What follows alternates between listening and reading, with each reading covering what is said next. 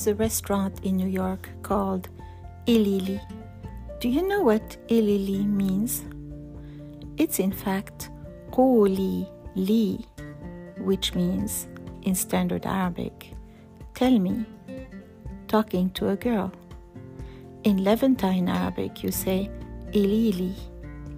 To a man, you would say in Fusha, Qul Li, Qul Li and in Levantine Arabic it would be illi.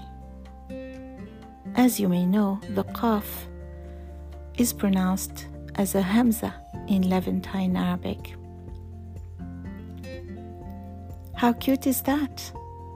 The link to the restaurant is in this podcast description.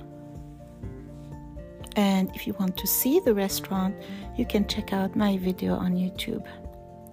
I'll put the link in the description as well.